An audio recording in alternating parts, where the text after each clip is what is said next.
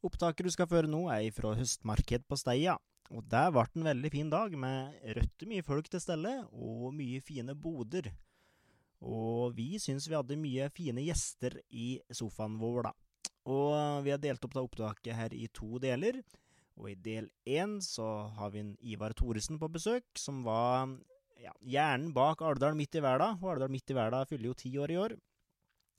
Og den andre gjesten du får høre her i del én, er en Håkon Nesteby. Og han har drevet og sprunget sånne langløp den siste tida. Og det er ikke snakk om én mil eller to mil, men det er snakk oppimot 16 mil. Så uh, vi får høre litt åssen erfaringer han har ifra det. Heng med!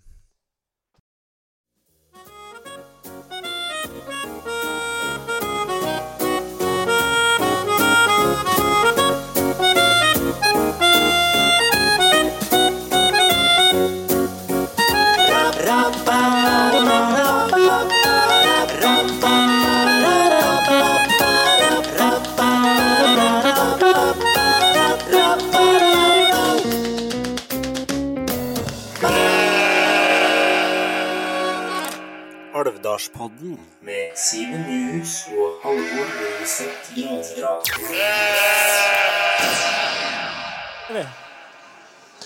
Ja, Halvor, da er vi klar for eh, nok en livepod på Steia her og på høstmarked. Ja, det er vi. Vi satt der i fjor òg. Det gjorde vi. Nå sitter vi her igjen. Trivelig. Det passer jo bra med litt sånn bæing på slutten av poden med tanke på at det er høst og folk er på sørleting og samler ja, Jeg vet ikke om sø og potet passer sammen, men det er mye potet her òg. Det var jo potet på fårikål, da. Ja, det er sant. Det er sant, det. Ja, hatt et fint program i dag. Det er en, det første gjesten vår går rundt bare og tripper noe, ser jeg. Det er Ivar Thoresen. Ja.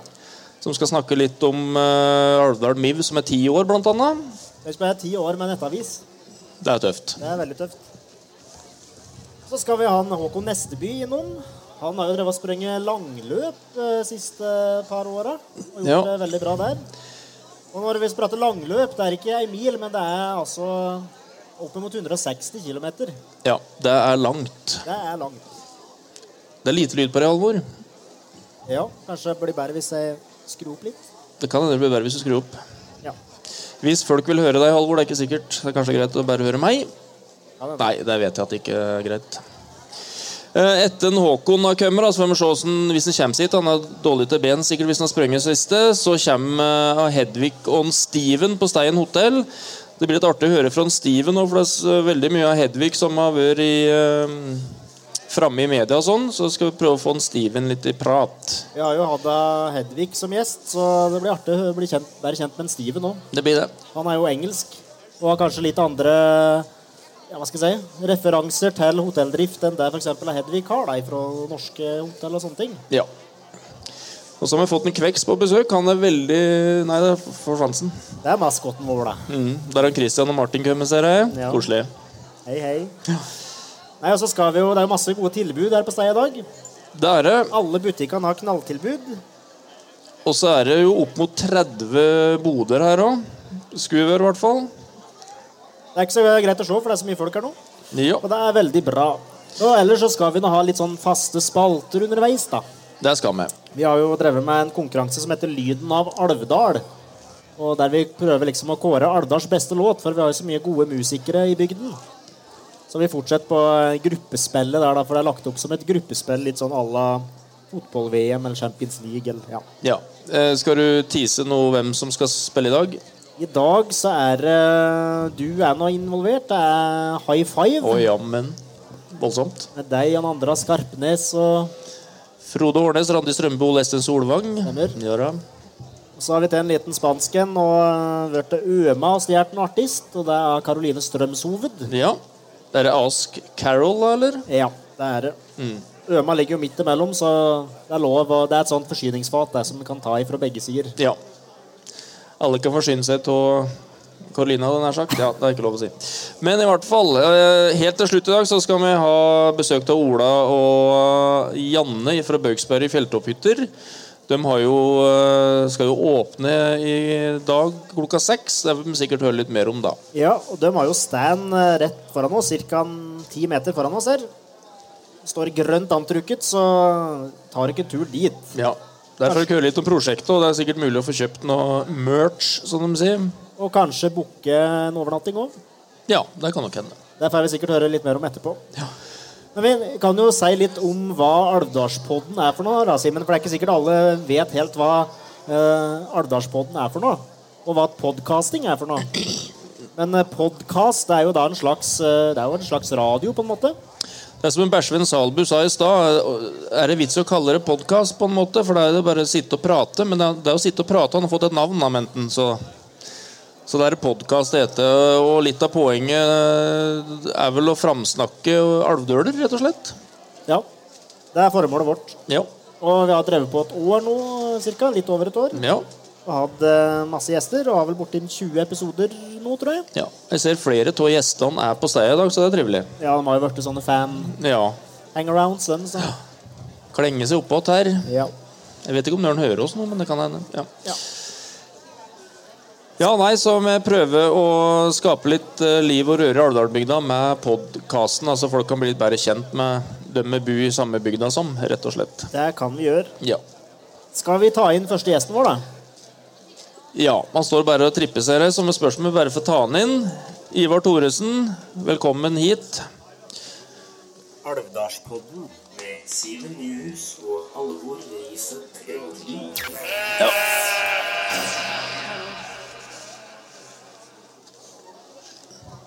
Er det en lyd på deg, Ivar? Ja. Nei, vi må holde nærme. Pinlig nærme. Ja. Ja, Ivar. eh, Vi har jo først og fremst bedt deg hit for å prate litt om eh, at den kjære lokalavisa vår er tiårsjubileum i år. Men før det så vil vi gjerne høre interessen din for å drive med journalistikk. Kan du fortelle litt om den? Åssen begynte det? Mm, Ja, det begynte på ungdomsskolen, faktisk. På ungdomsskolen, ja. Og jeg gren meg til å komme på arbeidsuke på sporten i HA på Hamar. Så det var da det starta. ja. Hører ikke Nivar, nei. Nei, Da må vi prøve å Nei, det er ikke noe skru den opp. Eller kanskje han skulle ha fått den her. Kanskje det er bare, ja.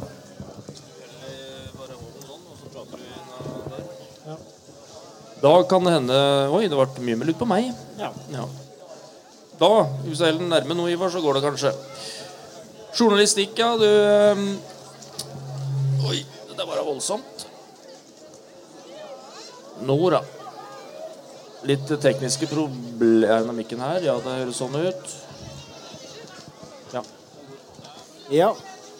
Nei, jeg begynte på ungdomsskolen, ja, men åssen eh, Har du gått noe journaliststudie etter der, da? For å liksom finspisse Nei, jeg har egentlig ikke det. Jeg bare jobba. Eh, Jeg har utdanna meg, men ikke innen journalistikk. Så jeg gikk jo på idrettshøyskolen og tok en idrettsutdannelse. En trenerutdannelse. Ja. idrettsadministrativ utdannelse. Men jeg, jeg fikk jo jobb i Østlendingen rett etter videregående. Så da jobba jeg i mange år først. Og så tok jeg utdanning, og så jobba jeg som journalist i mange år.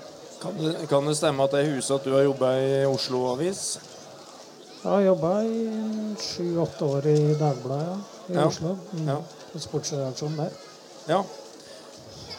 Eh, Jeg har spurt uh, hor og i et onkel til Kirsti, som er gjenga med meg, at jeg- Nå vet jeg ikke om jeg huser i en drøm, eller om det er sant, men eh, kan det stemme at du intervjuet a-ha en gang, eller var i nærheten av dem, eller noe? Ja, det stemmer. Det, det var jeg jobba i Østlendingen. Så hadde de en eller annen slags konkurranse. eh, hvor vinneren fikk to billetter til Eller fikk billett til a-ha-konsert i Trondheim. Så da var vi der og sørga for at vinneren fikk møte og ha, da. Så det var jo morsomt. Ja. For det, det jeg tenkte på For å gjøre en smooth overgang til litt mer lokalt her nå Hva er forskjellen på å være i nærheten av a-ha og være i nærheten av et lokalt band, f.eks. en Halvor? Eh, Halvor er vel litt lettere tilgjengelig, for å si det sånn. Har ikke så mange nykker, forhåpentligvis. Nei.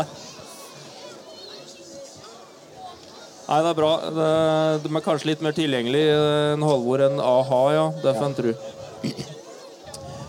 Men eh, litt over til det vi egentlig skal prate om eh, i dag, da. Det er jo Alvdal midt i verda. Du jobba jo vel i DMT først, stemmer det? Var med og bygde opp det, eller var med og starta DMT her i 99. Mm. 99, ja. Og så gikk det elleve år, da. Og så, hvordan kom du liksom i gang med tanken på å starte ei eh, nettavis, da? Nei, det var jo for så vidt en lang, lang prosess. Det. Det, for det første så hadde jeg en av den bakgrunnen jeg har. Eh, og mye av den DMT-jobbinga òg var jo knytta litt til journalistikk, på sett og vis. Altså, samtidig så var det et i, Fra ca. 2003, tror jeg, så begynte jo DMT å gi ut en Sommer i Alvdal og mandelpotetavis og fire ganger i året. Sånn trygt blekke som, som fortsatt kommer ut. Uh, så vi, vi hadde drevet med det i mange år, og så så vi at vi hadde jo egentlig kompetanse i DMT både på grafisk design, på teknologi og på journalistikk. Så hvorfor ikke prøve å starte en nettavis, liksom? For vi så jo òg samtidig litt sånn forskning og sånt som sa at medieutviklinga var sånn at det som var nærmest folk, ble borte. Du fikk et helt annet bilde inn i stua di. Lokalavisene ble regionaviser, og vi har alle TV-kanaler og alt mulig. Så det som var nærmest folk, eh, ble litt borte. Så Derfor så hadde vi lyst til å starte. Men eh, dere begynte jo som ei gratisavis eh, første åra. Mm. Og så ble det abonneringsavis. Mange abonnenter er det i dag. Nå er det i overkant av 2000 til sammen på Ja. midt i Hvaler og Tynsettingen. Det er jo bra det når en tenker på at det er snaut to og et halvt i bygda. Ja, absolutt. Det er det. Så, så må jo Nå er det jo Det er jo til sammen på Alvdal og Tynset, så det er jo klart. Men eh, likevel så er det Det har vært bra utvikling. Ja. På, på seks år er det vel hvor det har vært betaling. Mm. Eh, hva vil du si er de største milepælene da i så langt Mardal midt i verden? Nei, det er jo Det var jo en milepæl å, å komme i gang, eh, så klart. Eh, Vi brukte lang tid på å planlegge det og, få det opp. Og det, det som var unikt med det i starten, var jo at vi bygde opp dette 100 ved hjelp av den kompetansen som fantes her. Altså tekniske løsninger, abonnementsløsninger, designet, innholdet. Alt er skapt på Alvdal, liksom. Ja. Eh, det syns jeg er litt artig eh, at vi klarte det. Og så var det jo åpenbart en uh, milepæl da vi kom inn i den ordninga med pressestøtte. Og var den første avisa i landet uten fortid som papiravis som kom inn i den ordninga. Vi har drevet en del nybrottsarbeid som, som gir litt ringvirkninger på nasjonalt nivå, som folk kanskje ikke er klar over. Og det er jo artig for oss, da. Og så er det jo sjølsagt en milepæl nå når Gudbrandsdølen Dagningen kom inn som eiere. Eh, og det har jo litt med at det begynner å bli ganske stort. Det er seks-sju arbeidsplasser og ganske mange millioner i omsetning i løpet av et år. og jeg følte i hvert fall på at det var viktig å få med en aktør som, som har litt mer økonomiske muskler og, og faglig tyngde, sånn at du kan stå i en storm. Det begynner å bli mange digitale lokale aviser rundt omkring i landet. Tror du de er helt avhengig av den pengestøtta, mange, for at det skal være et være eller ikke være? Ja Jeg vet ikke hvordan det er for andre, men for oss er det i hvert fall det et være eller ikke være. Det er helt, eh, helt klart. Ja. Men eh, også, i forhold til å rekruttere, eller hva man skal kalle det, få flere abonnenter, da, er, var det tyngre i starten og gått lettere og lettere, eller eh, har du ikke liksom jobba hardt med det hele veien, eller? Nei, jeg har jo jobba hardt med det hele veien, egentlig. Og det har jo vært en, en øk, stadig økning eh, egentlig jevnt hele, hele veien. At det, må holdes fokus på støtt. Og det er ikke noe Det der er et ganske langsiktig prosjekt. Det tar, ting, tar tid for ting å sette seg. Og vi ser jo sånn Som i år så har det jo økt for hver eneste måned, liksom. Og det er jo artig å se. for det Spesielt på Alvdal har vi jo bestandig hatt mange abonnenter, så det er jo når du har mange fra før, så er det jo ganske vanskelig å øke veldig mye, da. Ja. Nei, for jeg tenker det er et eh, pluss for uh, i nettavis hvis det stadig øker med abonnenter. Og det har du ikke gjort, da, og det, det tyder på at folk er fornøyd med å seire til naboen. skulle jeg si. Ja, Men- det tyder jo på det. Ja. Men så ble det jo eh, et lite hva skal kalle det, datterselskap, eller, eh, eller datteravis, er kanskje bedre å kalle det. Søsteravis. Søsteravis, ja. ja vi kaller det det. Ja. Kan du si noe om eh, hvorfor dere valgte å komme med Tynsettingen nå? Ja, det var jo av akkurat samme grunn som vi starta midt i verden, på en måte. Og så øh, så vi at vi kunne Hvis vi gjorde det samme der, øh, så hadde jo potensial til Og vi hadde jo mye sånn infrastruktur, for å kalle det det, på plass. Så teknologi og den biten lå jo der. Så det var jo snakk om å liksom kunne utnytte det til å lage, lage et tilsvarende konsept på Tynset. Og det viste seg jo å være vellykket. Og Alvdal og Tynset er jo såpass nært knytta til hverandre. Og så det, er jo en god del stoff som er aktuelt for begge kommunene. og sånt, Så jeg tror ikke det var dumt. Nei, De drøyde ikke med å bli abonnenter til Tynsettinga når det kom noen alvdøler og skulle lage avis til dem? eller? Nei, det var stor interesse for det. Og det er jo klart at potensialet for å øke er jo enda større på Tynset enn på Alvdal, egentlig, sånn sett. Og, men, eh, og, men klart skarpere konkurranse på Tynset òg, og det krever mer å slå fra seg der. Ja. Men så har jo Folldalsportalen kommet òg, og arrester meg hvis eh, jeg sier feil nå, men er ikke, det er ikke noe samarbeid der, bare at dere deler samme redaktør, på en måte? Ja, det er, vi har samme redaktør og et redaksjon, redaksjonelt samarbeid. Ja. Og, og samme tekniske plattform, men det er ulike eiere. Ja. Men det er mye de samme folka, så vi utveksler stoff fritt imellom. Altså. Mm.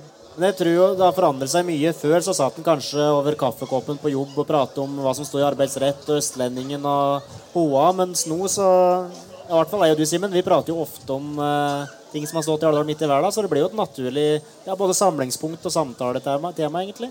Ja, det ser jeg på jobb, og det er jo folk treff. Det er liksom Alvdal midt i verden som har blitt avisa, i hvert fall i de kretser jeg vanker til. da. Så er- dere har virkelig skapt noe her. Men jeg tenker på, det er kanskje vanskelig å svare på på sittende ræv, hva skal kalle det. Men eh, er det en sak du huser som Eller noen saker du huser som står ut litt for deg? Enten Ja, gjerne positivt, da. Det Ja, det var et vanskelig spørsmål. Ja, det, Det var Nei, det vet jeg ikke om jeg klarer å svare på. Men jeg syns det var øh, morsomt øh, når sommertoget var. øh, og vi kunne kjøre masse bildesaker og, og liksom så den oppslutninga som var, og hvor mye folk som var på Steia og stasjonen. og det, var sånn, det er jo sånn som er stas å, å jobbe med, syns jeg. ja. Mm. ja, det var en veldig fin dag, det. Det har vært en sånn dag som jeg tror alle husker i lang, lang tid framover. Ja.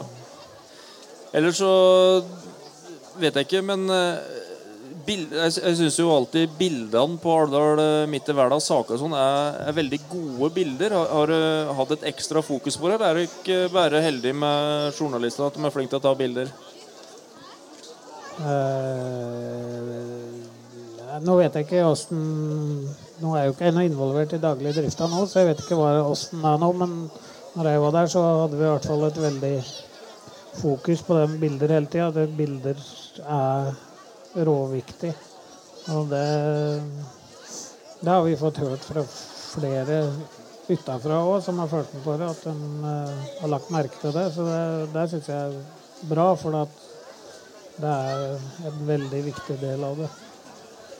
Ja. Jeg, jeg prata litt med Lars Wingelsgård om dette, for han er jo journalist i Alvdal midt i verden. Og han var jo oppe som jeg tok noen bilder, og han sa da at eh, det krever forskjellige typer bilder til forskjellige saker. Det er ikke bare da at du skal stå og smile i kamera, men gjerne så må du være i en situasjon eller ja. Og Det er jo- en balansegang å liksom finne ut når skal jeg ha et eh, portrettbilde til ansiktet, og når skal jeg ha ja, et situasjonsbilde. Og der, der syns jeg Alvdal midt i verden er veldig flink til å ja, At det ikke bare blir samme malen hele tida. Det er en del av journalistikken, det. Altså, bildet skal jo fortelle en del av historien. Ja. For da kan du spare noen ord. Ja. Dette syns jeg alltid har vært halvpinlig hvis jeg har vært med i korps og sånn, og, eller noe musikkoppsetning. Så ja, ta med deg instrumentet, så blir det liksom sånn Veldig oppstilt, da. så der, der tenker jeg journalistene oppi her han De må finne på noe nytt. ja. Ja. Men fra nettavis til eh, Dere har jo begynt å, å gi ut eh, hva skal kalle det, magasin på en måte, både for høst og sommer. og Eller har jo drevet på en stund, da, men eh, det er jo krever det en annen type hva skal jeg si, journalistisk arbeid enn å skrive nettavis, når dere skal lage ei blekke med f.eks. portretter da, av kjente alvdøler og ja. Nei, det er jo en type saker som normalt ikke har vært så mye på nettet, egentlig.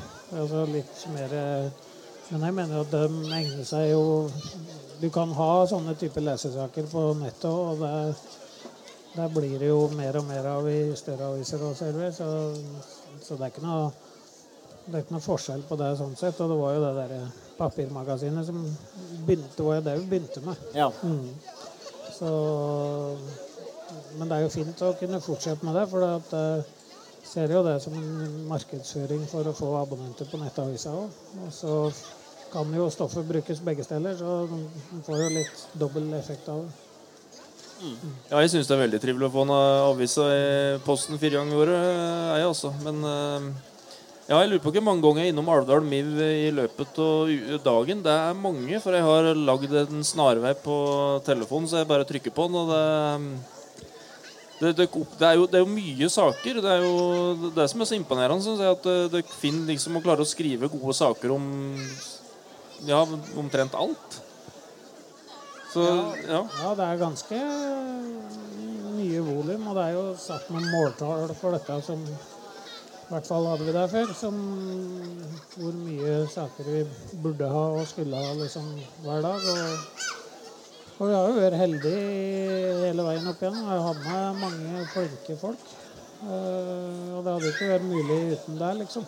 Så, og det syns jeg var, kan være viktig for meg òg, når jeg nå ikke er med lenger. At jeg vet at du kan overlate det til noen som forvalter det bra.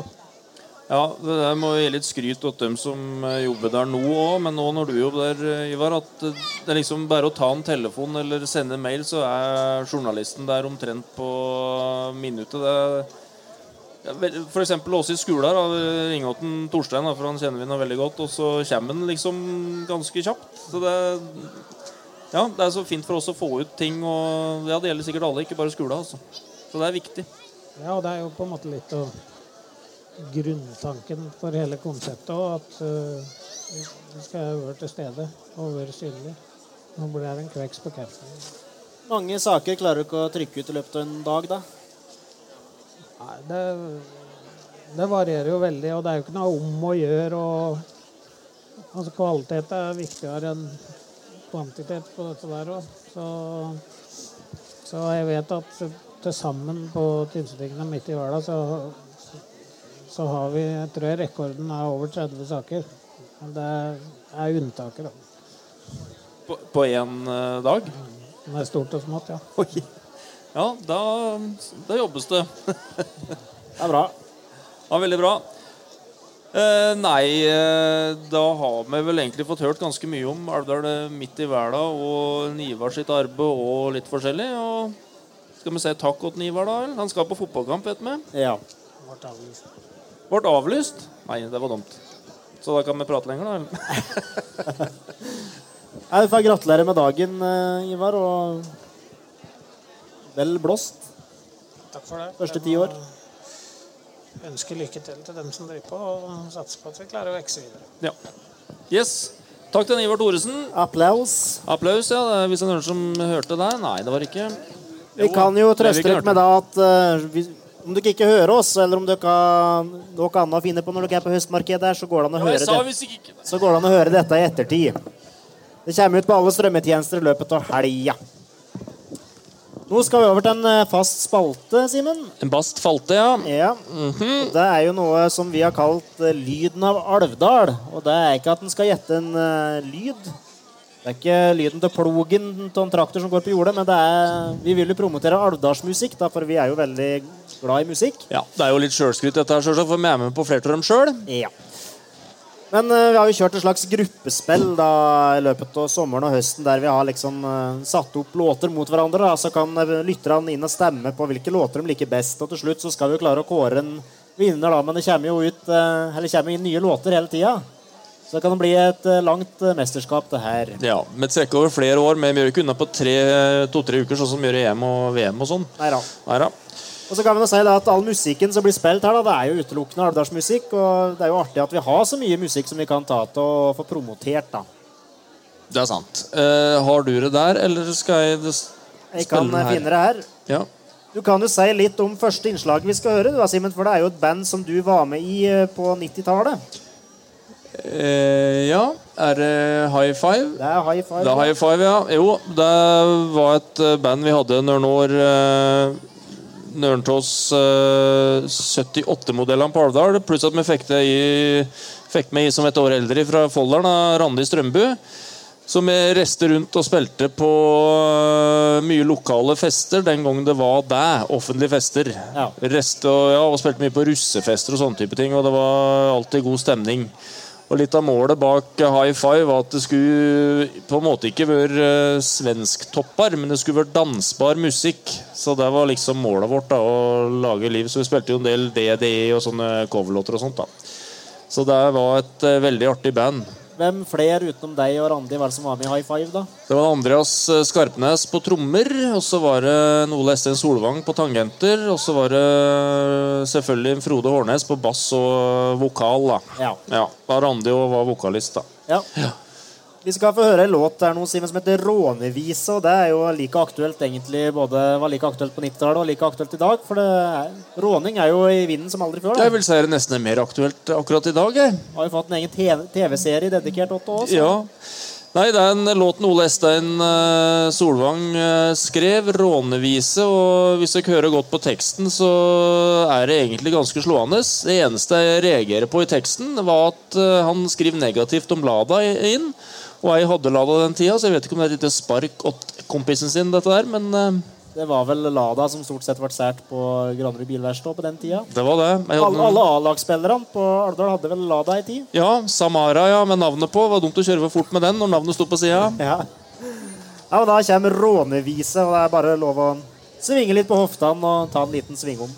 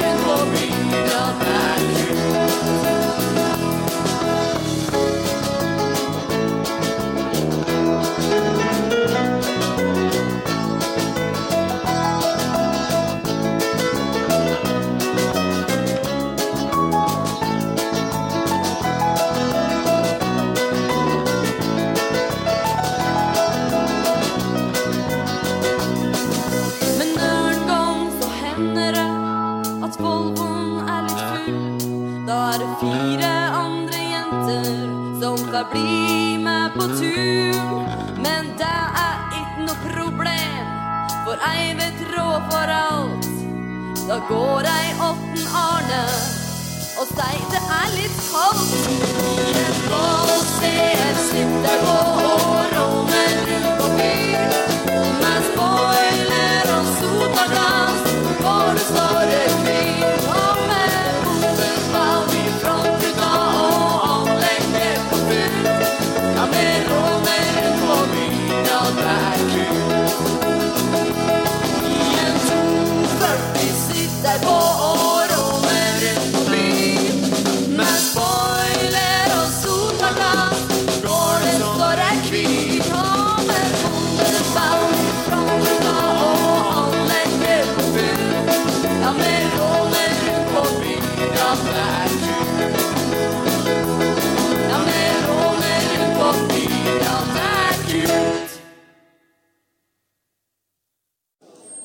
Ja, det var high five, det. Men eh, Simen New sånn Frode Hårnes i spissen. Eh, neste låta vi skal spille i Lyden av Valldal, det er Vi sa det litt i stad, men eh, vi har hørt det øma og knabbe med oss en artist derifra. Hun heter Strømshovet, så hun har jo Alvdalsalibiet som det synger etter, da. Og bandet heter As Carol, det er en duo. Og de har en låt som heter Do It and In LA. Så det er låt nummer to. spoke to Elaine.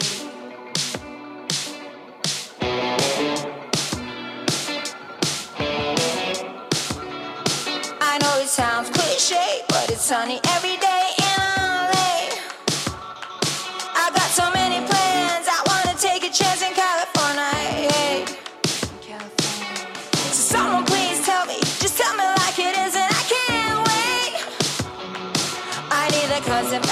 for the many conversation in my head. This one.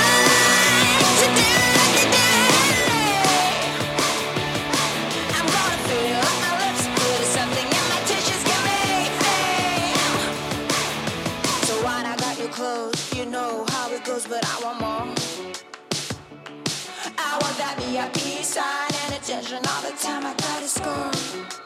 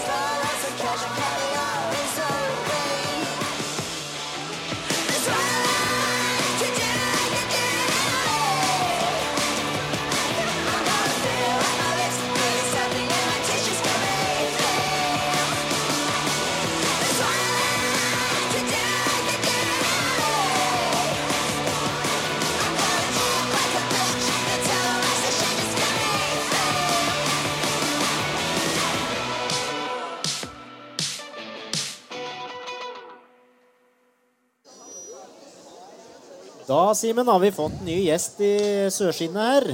Ja, det har vi fått. Det er en eh, Jeg har kalt det langløper her på Det høres ut som han løp mye, altså at han er mye på på løpen. ja. Men poenget var vel at eh, vår neste gjest han er glad i å springe. Ja. og Første spørsmål, da, Håkon eh, Nesteby. Har du sprunget hit i dag, eller? Prøv en gang til. Nei, skal vi prøve en annen? Det er veldig feeling her. Nei, prøv en halv. Teleslynga som driver Fide. Det feeder noe voldsomt. Da, vet du. Der. Da var det lyd. Der var lyd. Nei, jeg har ikke sprunget hit i dag. Det ble, det ble sykkelen hit med fattern. Men eh, det ble en liten tur oppover Østkjølen eh, før, eh, før jeg kom hit, da. Ja, for det, eh, det jeg spurte deg litt om før vi begynte her. Er, er du ute og springer hver eneste dag? Er du toppidrettsutøver? Nei, det, det er jeg ikke. Men jeg er glad i å være ute og, og ja, prøve å komme meg en tur ut hver dag, da. I hvert fall når jeg er hjemme her nå. Og Ja. ja. Snøre på seg skoa og komme seg ut. Det prøver jeg å få til hver dag. For dere som ikke har fått det med dere gjennom uh, Alvdal midt i hverdag og sånt, da, så i fjor, Håkon, så sprang du Rondane 100. Kan du fortelle litt om hva det er, så vet folk liksom hva det går ut litt på her? Ja, nei, det er et eh, ultramaraton. da. Og et ultramaraton er jo et eh, løp som er lengre enn eh, 42 km, som er den maratondistansen. Og det her er et fjellultramaraton. Det vil si at det går på sti eh, i 98% av løypa. Og distansen er 100 miles, vil si 162 km. Um, og det starter da i Folldalen. Og så går det en runde oppom uh, Storhaua i Folldalen. Og så går det innover uh, Grimsdalen. Og så inn til Dørholsæter. Og så ned til Strømbu. Opp uh, Gravskalet. Og så inn til Bresjøsæter. Og så Follandsvangen og ned til Grimsby og Folldalen igjen. da. Så det blir en god runde på eh, 162 km og ca. 5000 høydemeter da, opp og ned. Så den beste brukte vel 20, rundt 20 timer i fjor på det. Så det, det er imponerende. Men eh, det er en reise. Eh, ja, Hvor lang tid brukte du? Er lov å spørre om det? Ja, Jeg brukte vel 27 timer og 40 minutter. brukte jeg, ja. Ja, det, Du hadde ikke vært hjemme igjen enda, Simen. vi hadde fortsatt vært ute der, men tenker jeg, men vi måtte overnatte på Bresjøseter i vinter, tenker jeg. Men 162 km, bare for å sette i perspektiv, det er jo søren meg herifra nesten bortåt svenskegrensa. Ja, det er langt, men det er liksom del av utfordringa med sånne lange løp. At hvis en ser på det Ser hele distansen eh, Altså hvis en ikke deler det opp, så virker det umenneskelig. Men man må liksom sette seg delmål og splitte opp distansen i kan du si, to mils for å gjøre det lettere å motivere seg sjøl. Det, det er klart at det er en psykisk eh, prøvelse å, å ta fatt på en eh, 160 km-tur. Det virker vanskelig. Ja, for akkurat der du startet, tenkte jeg 100, nå skal jeg springe 162 mil. ja klart, Der kan du ikke ha som mål, for da, da går det ikke. Men eh, hva er på en måte største utfordringa underveis? da? Du snakka litt om eh, holde det psykisk, klart, men Nei, det er klart at uh, på et sånt langt løp Det tar jo over 24 timer, og både du springer på dagen og natta, og du blir sulten og tørst og sliten. Så holde konsentrasjonen oppe så lenge, og ikke snove på stien. For da gjør den det, så kan det bli stygt. Og da er løpet ferdig eh, fort, da. Så holde konsentrasjonen oppe, og sett uh, føttene på riktig eh, plass. På sånn teknisk sti som det er i Rondane, Alvdal Vestfjell i hvert fall. ja. Å Få i seg næring, da. Har du med alt i sekken, eller er det sånn at du har eh, Stopper underveis der det ligger mat, eller? Du har med deg det meste i sekken når du starter, men eh, på, typisk på sånne ultraløp så er det sånne drikke- og matstasjoner ca. hver fjerde mil. Hvor det er mulighet for å etterfylle sekken med litt eh, mat som du har med deg Eller du forhåndspakker en bag som blir sendt ut og lagt ut. Og i den sekken har du mat og proviant som du etterfyller sekken med. Samt at det er eh, drikke og, og mat på disse matstasjonene som du hiver i deg, og så springer du videre. Du forbrenner jo ganske mye på fire mil, da. Så du er sikkert ganske tom når du kommer bort til neste rasjonsstasjon da. Ja, du må jo planlegge og disponere krefter, sånn som ethvert eh, løp, og ikke kjøre seg helt til kjelleren eh, tidlig. Um, ja, men det er det som er litt av clouet på sånne lange løp, at du må ta det rolig nok fra start. Fordi eh, det finnes flere eksempler på dem som har starta for hardt og møtt veggen tidlig, og da, da er det tungt å springe ni mil på tomme, tom mage. håper jeg. Ja, Åssen øver du på et sånt løp, egentlig? Eller åssen Ja. Nei, det går jo mye grunntrening, da. Du må legge en god base med trening. Eh, Før det Rondane-løpet i fjor så trente jeg spesifikt i et halvt år. Ehm, Men det er jo det å få til lange turer, eh, både når du er sliten og du kanskje ikke er tipp topp. Og mm, ja, legge en god base, og så er det jo det psykiske som også spiller en stor eh, rolle. Da. Men det får du ikke trent på i like stor grad, men det, det må du bare takle når det kommer. Men at en er forberedt på det. da. Men, men trener du bare springing, da, eller er det en del sånn øh, kjernemuskulatur, styrketrening som må til, eller? Ja, det er jo det i tillegg. Men eh, det blir mesteparten springing. Men kanskje et par eh, sånn skadeforebyggende økter i uka. Ja. Det er viktig for å unngå de store skadene. Fordi løping er jo, det er jo ofte forbundet med ja, kneskader og ankelskader og akilles og ja, såre muskler. Ja. Så være litt smart på treninga er lurt. Har du hatt noen skader som har satt deg ut over noen periode, eller? Ja, som ikke har satt meg helt ut. Jeg har jo trappa litt ned i perioder hvor det har vært såre muskler og sånn. Jeg sprang et løp nå i mai eh, bort med Tønsberg der. Og etter det løpet så så fikk jeg et vondt kne og en vond hæl. Og da var det å trappe ned betydelig. Eh, Jeg lå på en sånn 120 km i uka før det, og så trappa jeg ned til kanskje 20 km i uka. Men gikk over til mer sykkel. Ja. Og litt avlastning og ja, være litt smart i treninga. Men når du øh, sier Du snakka i stad om at du trente nesten hver dag. eh, Er det da om å få mest mulig mil i banken, eller er det det å bare komme seg ut som det er fokus? Nei, For meg så er det det å komme seg ut. Altså, det er fort gjort å tenke at det blir en sånn tvangstanke at en må trene hver dag, men det er ikke det som er poenget for meg. Det starta jo med at jeg ønska meg en hobby, egentlig. Og løping er veldig målbart. Det er veldig lett å se framgang. Så for meg er det det å rett og slett uh, sette seg langsiktig og gjerne hårete mål, som jeg ikke vet at går. Men uh, komme seg ut, helst på sti, og se eh, naturen. Og ikke noe særlig musikk på disse lange turene i fjellet, men bare ja, se og lytte. Det er veldig Det er sånn terapi. Veldig sånn koselig og godt. Komme seg ut. Ja. Men Har du noen sparringspartner som du drar med deg ut når du trener til dette? Eller springer du for deg sjøl, og det er liksom solorace? Alt, liksom. Altså, ultramaraton er jo egentlig en sosial arena. Det er veldig gode muligheter for å springe med noen. Det går såpass sakte at det er veldig pratetempo. Men eh, samboeren min springer ikke så langt som det jeg eh, driver med, så jeg får ikke med henne på de lengste turene. Men eh, det blir mye for meg sjøl, rett og slett. Ja. Men du vara meg på noe som er lenger enn øh, Rondane 100. Skulle, sprang ikke du Oslo-Bergen Trial, eller hva det heter? Jo. Meg og en som het Øystein, som jeg var i Forsvaret med i 2013, meldte oss på der. Ja. Også et hårete mål. Hva ikke langt av det? Det var 515 km. Så det er svinlangt. Ja, det er langt.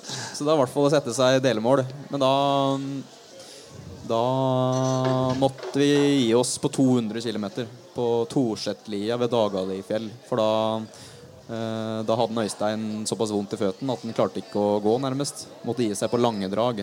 Da kasta han håndkleet der. Ja. Og da ville jeg fortsette litt for meg sjøl, men så var det ja, ekstra tungt å motivere seg for seg sjøl. Og så hadde vi starta som et lag, og da er det jo greit å avslutte som et lag. Ja. Så da, ja.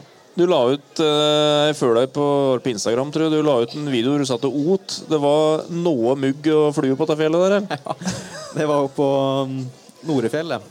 Det var helt hinsides med mygg og knott oppi flate. Nei, det var ikke noe særlig. Det var verre enn inn på Høstdalen en varm sommerdag. Hvor lang tid bruker du på å komme deg etter et sånt løp, da? Nei, kroppen er nok uh, mer kjørt enn tru. Altså, uh, etter en sånn anstrengelse så går det fort tre uker før neste hardøkt. Men sjøl da kjenner jeg at det sitter igjen liksom, i muskulaturen. Så etter en måneds tid så er du ganske restituert. Hvis du tar det med ro etter et sånt langløp. Da. langløp. Åssen kombinerer du dette med jobb, da? For du er jo politi.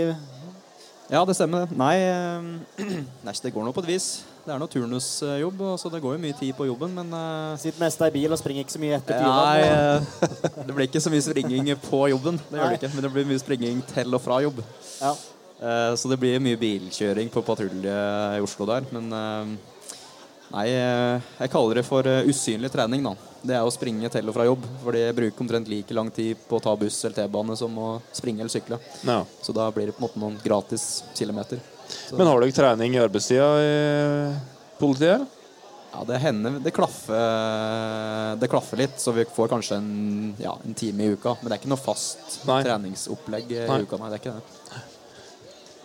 Han driver med samme treningsformen som oss, med en Sånn usynlig trening, så derfor folk ikke ser oss så mye. Ja, det er det. Men vi, er ikke, vi har ikke tørt å delta på noe langløp ennå. Tror ikke vi skal gjøre det. Nei. Nei, jeg håper jo litt at, det skal, at miljøet skal spire litt og gro her i bygda. òg, Ja. Jeg har jo lekt med tanken litt når jeg satt på toget oppover nå. Prøve å få arrangert et eh, ultraløp her i bygda. Det hadde vært uh, jævlig artig. Litt sånn som Rondane og Folldalen har klart. da. Ja. Og vise fram bygda litt. Og det er, jo, det er jo et miljø for det i Norge. Og jeg tror folk trekker veldig mot liksom, eh, distriktene og det Kan du si eh, Ja, fjellandskap og friluftslivet. Folk har lyst til å oppleve det. Så jeg tror det er eh, miljø for det, og Ja. grunnlag. Det, det var flere alvdøler som deltok på rondene 50 og 100 i år. Jeg mente jeg telte opp Skal vi se, det var ja, noe dumt å si noen navn, da, vet du, for i tilfelle glemmer han. Men den Stian Hogstad var nå med, og en Egil Skarpsno, Erlend Bransnes. Du var ikke med i år. Nei, stemmer. Nei. Eh, Stemmer. Nei, det var med noen alvdøler i år, år, både på lengste og den halvdistansen. Men jeg var med og arrangerte i år. Eh, Jeg sprang sjøl i fjor ja, og var med som frivillig sjef da, i eh, år. Under årets løp. Ja. Nå har du sparra mye med Sakaran der, da, og delt erfaringer og De som sprang? Ja, Alvdølan altså. Ja. Eh, Nei, egentlig ikke. Jeg kjenner dem ikke noe godt. Men vi, vi følger hverandre litt på sosiale medier og Strava, en sånn treningsapp og litt sånn. Men eh, ja, jeg syns det er artig å ja, bli kjent med de andre lokale løperne. Ja, ja. Husk på en Håkon er ung. Han vet han hadde meg som lærer. han. ja. 2007. Meg er jo gammel som en Har pregen resten av livet, det. Ja, du ser han har det ikke bra. Han har det ikke det. Nei da. Nei, ja, men eh, det er artig å høre om dette der. For det, det som du sier, altså det med løping har spredd seg. Jeg vet I Trondheim vi har snakket om det i Alvdal Friskliv òg, at vi skulle hatt flere møller. For det, de har jo egne sånne mølle... Øh, øh, hva heter det? Timer, økter inne på treningssentrene i byene og sånn. Ja, ja, ja. Jeg har sett det. De har det nede i Oslo der òg, så. Ja. Der er det mye møller og Ja. Nei da. Så jeg prøver jo, prøver jo å legge alle øktene mine ut, selvfølgelig. Men det er godt å bare ta seg økt på mølla i ny og ne òg. Men eh, ja, nei, helst ute. Og helst på sti. Ja. Jeg jeg vet ikke om jeg spurte deg i stad om det var noe på sendinga, men eh, hva er gjennomsnittslengden vil du si du springer per dag? Nei, kanskje ser du deler året da, på antall dager. Så i fjor så hadde jeg snitt per dag på 15 km om dagen. Ja. Og det var sett hele året under ett. Da. Så da bikka jeg vel 5200 km. Altså 520 mil på, Ja, ja. i året. ja. Men da nede i Oslo så er det jo ikke så mye snø, så da går det an å springe ganske året rundt, egentlig. Så da, og fra jobb så går det nå på noen kilometer. Men altså, en ting er å springe om sommeren, for det er noe Stian bar og ganske lettvint. Men åssen gjør du det om vinteren, da? Nei, da blir det jo alternativ trening, da. Da blir det rett og slett eh, langrenn og eh, ja, litt spinning innimellom. Så prøve å liksom ja, finne alternative treningsformer. Og langrenn eh, Ja, jeg går mye på ski nede i Oslo. Ja. Og den Stian du springer på, altså, gjør du research på forhånd, så du vet sånn cirka hvor de går, eller bare tærer du i vei, og så ender du opp der du ender opp, på en måte? Nei, Det er litt både òg. Jeg liker å bare sette ut eh, en retning, og så har jeg med ofte papirkart. Eh, kjøpe inn på forhånd, papirkart, og så springer jeg en sti til kjent et kryss, og så finner jeg det krysset på kartet, og så tar jeg til høyre her, så kommer jeg dit, og så springer jeg dit, og så går det litt sånn deretter. Mens andre turer så er det nøye planlagt og studert kartet godt på forhånd, og ja, da vet jeg nøyaktig hvor jeg skal. Mens andre turer, som sagt, så blir det helt sånn ja, vilkårlig. Og det er litt spennende, det òg. Men er det når du eh, denne interessen for å være ute Jeg tror jeg vet hvorfor, men du har vel en mor og far som er glad i å være ute? Er dette noe som har vært med helt siden du var liten, eller? Ja, altså Interessa for å få være ute, den har jeg jo hatt hele livet. Eh, noen perioder sterkere enn andre, selvfølgelig, sånn som eh, alle har hatt det. Men eh, aldri vært noe sånn springe på sti. Det har aldri vært noe opp gjennom barndommen, nei. Men å gå turer i både lavlandet og høylandet på høyfjellet, det, det har jeg jo gjort hele livet. Så den interessen har jeg hatt lenge. Ja. Fra mor di legger ut bilder omtrent hver dag av turer, så Ja. jeg ser for meg at du arver litt derifra. Ja, ivrig på det. Nei, Både mamma og pappa og Anne og Vegard for så vidt òg er ivrig på å være ute. Så det, den interessen ligger nok i familien. Så, Ja. mm.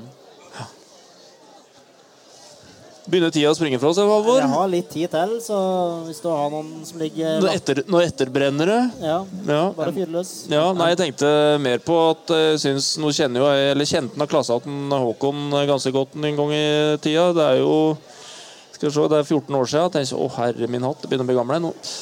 Men du har ikke prøvd å få med noen av kompisene dine på Alvdal til å slå til? da?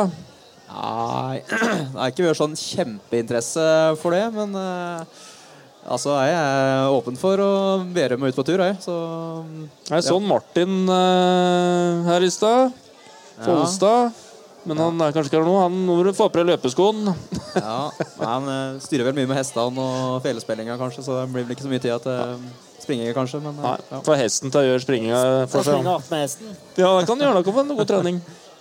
Men eh, har du noe um, altså springemål eh, i framtida som liksom har satt pekte ut? Ja, altså jeg er alltid på utkikk etter nye stunt, da, som jeg kaller det. Men eh, nå i november er det Bislett 24-timers. Det vil si 24 timer nede i innendørs på Bislett. Rundt og rundt på en bane der.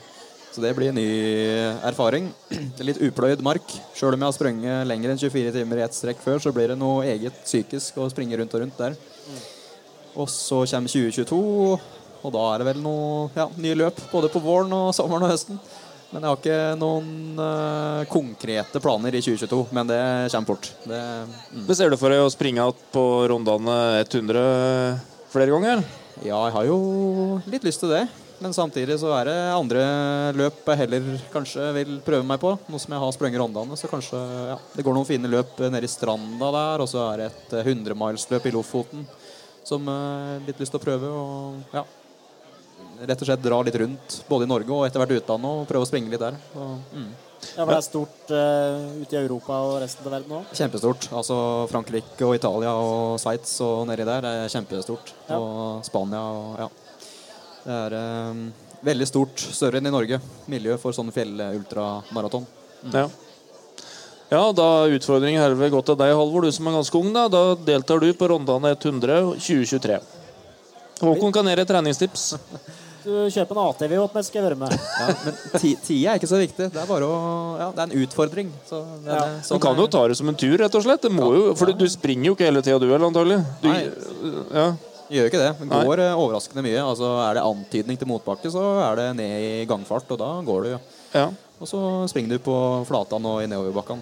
Så det er liksom en Ja, jeg kaller det en reise her, da. For du blir liksom kjent med deg sjøl og, og vært ute fra morgenskvisten hele dagen, på kvelden og natta, og så ny soloppgang. At du får mer av hele livssyklusen, eh, nærmest. Det er noe eget. Så det oppfordrer folk til å ta utfordringa og prøve. ja. For i fjor på rondane 100 så var det jo knallvær. Ja. I år derimot var det greit å ikke springe, antagelig. Ja, jeg koste meg godt inne på Folldal flerbrukshus eh, i år når jeg var med å arrangere. Men eh, nei, ja, det var tøffere forhold i år. Forhold i år ja. Ja, skjønte det på den som sprang, ja. Hvis du skulle oppfordre noen til å ha begynt med dette, da, vil dere da, skal de begynne med å først springe én time, og så liksom øke på til to, og sånn, eller er det bare å ture i vei? Ja, jeg vil eh, gi tips og egentlig bare prøve å finne glede i å være ute, først og fremst. Du må, du må like å være ute, og like å utforske nye stier og ja, være i aktivitet. Og så kan distansene og tempoet komme etter hvert, men det er det å ja, eh, utfordre seg sjøl på nye steder og komme seg ut. Og så kan eh, interessen for ultraløping kanskje komme litt etter hvert. Da. Ja. Ja, men Fin eh, oppfordring og tips fra han, eh, Håkon til slutt der. Da sier vi tusen takk for at du kom. Jo, takk for at jeg fikk komme. Kos deg på høstmarkedet. Hjertelig takk. Supert. Da kan vi nå kjøre litt reklamepause, vil jeg si, men også kan vi nå ta oss en tur etter hvert og prate litt om de forskjellige standene som er. Og bli litt bedre kjent med dem. Det kan vi gjøre.